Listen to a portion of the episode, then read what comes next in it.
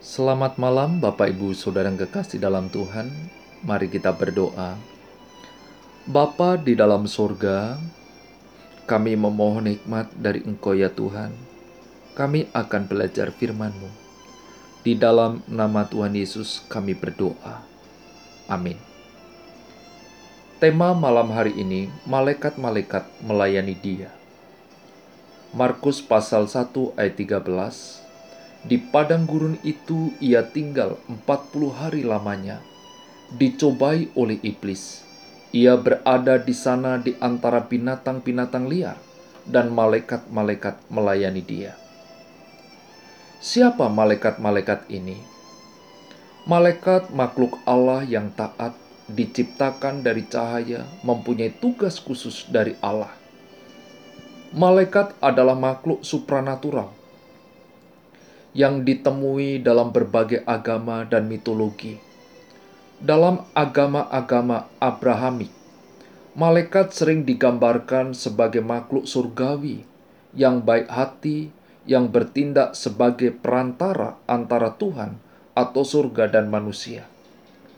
Peran malaikat lainnya termasuk melindungi dan membimbing manusia dan melaksanakan tugas-tugas Allah. Ayat 13 yang kita baca, di padang gurun itu, ia tinggal 40 hari lamanya. 40 hari angka ini digunakan secara harafiah dan kiasan di dalam Alkitab. Angka ini menunjukkan waktu yang panjang dan tak tentu lebih dari sebulan. Hari digunakan hari alami atau interval di antara matahari terbit dan terbenam yang dibedakan dan dikontraskan malam. Dicobai oleh iblis. Iblis telah mencobai. Kata cobai ini merupakan sebuah istilah mencobai, memiliki konotasi menguji dengan pandangan menuju kehancuran. Yesus dicobai. Kita memperhatikan bahwa pencobaan tersebut adalah atas bagaimana Yesus menggunakan kekuasaan mesianiknya untuk memenuhi kehendak penebusan Allah. Oleh iblis, Alkitab berulang-ulang menegaskan adanya suatu kekuatan jahat yang bersifat pribadi dan adikodrati. Di dalam Alkitab bahasa Indonesia bagian perjanjian lama, kata iblis merupakan terjemahan bahasa Ibrani syaitan atau setan yang berarti musuh, setan yang menggoda manusia untuk berbuat jahat. Ia berada di sana di antara binatang-binatang liar. Referensi sederhana bahwa wilayah itu tak berpenghuni.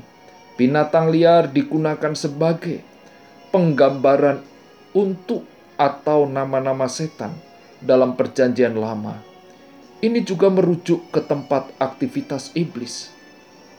Malaikat-malaikat melayani dia. Malaikat-malaikat melayani Yesus. Ini adalah sebuah tindakan yang sedang berlangsung di masa lalu atau awal sesuatu kegiatan di masa lalu. Malaikat-malaikat melayani dia, mencukupi keperluan Yesus, dan dengan patuh mengurus Yesus malaikat-malaikat yang melayani Yesus melambangkan perlindungan dari pihak Allah. Kita dipanggil sebagai orang percaya dan dipanggil untuk melayani.